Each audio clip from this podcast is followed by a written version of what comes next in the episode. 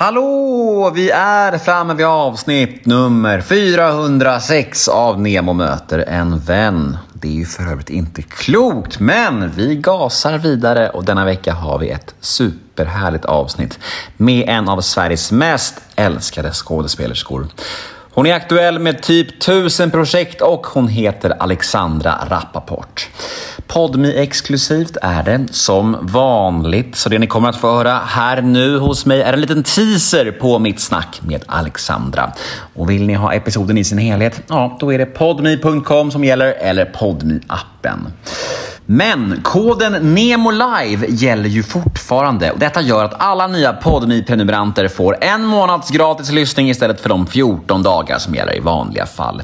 Detta är ju verkligen ett yppligt tillfälle för att prova på Podmi, men nu är det ju sista chansen att använda den här koden.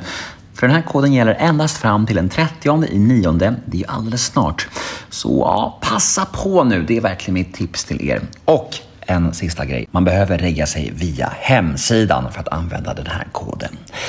Jag heter Nemohedén på Instagram, det här vet ni. Och min mail är gmail.com. Hör gärna av er om ni vill önska en poddgäst eller bara kolla läget med mig. Det är alltid fint att höra från lyssnare. Den här podden klipps av Daniel Eggemannen Ekberg. Tack Eggemannen för ett gott samarbete. Men nu är det slutbabblat från min sida. Nu drar vi igång avsnitt nummer 406 av Nemo möter en vän.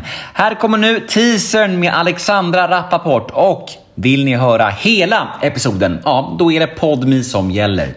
Och glöm inte att all podcast hos Podmi är ju helt reklamfri. Mums!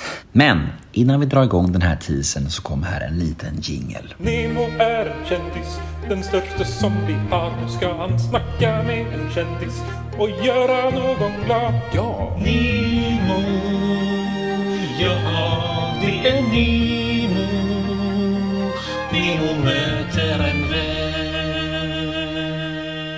Vad har varit det vanligaste felet som folk har gjort som har intervjuat dig? Har du varit med om mycket så här dåliga intervjuer där du har känt så här, det här var ju inget vidare?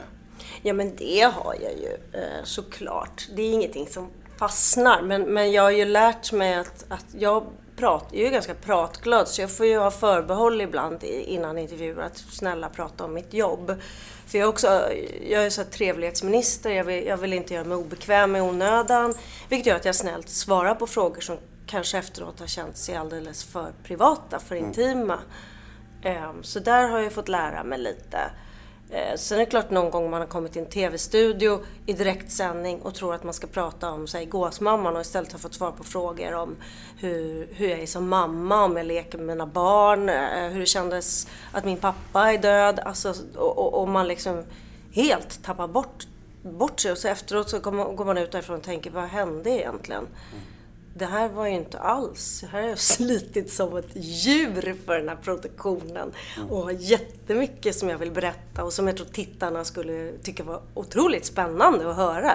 Och så istället så ska jag sitta och kleta med saker som egentligen bara rör mig. Liksom. Men hur mycket får ni bestämma när ni gästar till, exempel Nyhetsmorgon till exempel Mm. eller något annat sammanhang? Får ni ha några åsikter om den här inriktningen vill jag ha? Ja, men de, ibland gör de förintervjuer och sen har man ju ofta en presskontakt och då har jag börjat säga att hälsa att jag verkligen vill prata om mitt jobb. Liksom. Jag vill inte prata om det och det och det. Liksom. Så det, det har varit en förutsättning. Och sen har jag också fått mentalt ställa mig in på, um, framförallt när det är direktsändning, att då får jag lov att bli obekväm. Om, om det inte det respekteras, då måste jag våga säga, ah, fast vet du vad, det här vill inte jag prata om. Det här var inte överenskommet. Liksom. Nej, för det var något sammanhang du lämnade studion. Nej men det är ju, ja det var ju med Tilde. Jaha, okej. Mm. Och det är jätteroligt för det är en sån här sjuk grej som blev något som inte var något. Ja, där var ju tyvärr teasern slut. Där var smakprovet över. Känns det tråkigt? Vill ni ha mer av Alexandra Rappaport? Ja, vet ni vad? Då har jag en lösning på detta begär som ni känner. Vill ni ha fullängdaren av detta mysiga snack? Gå då in på podme.com eller, ladda- eller ladda ner podd...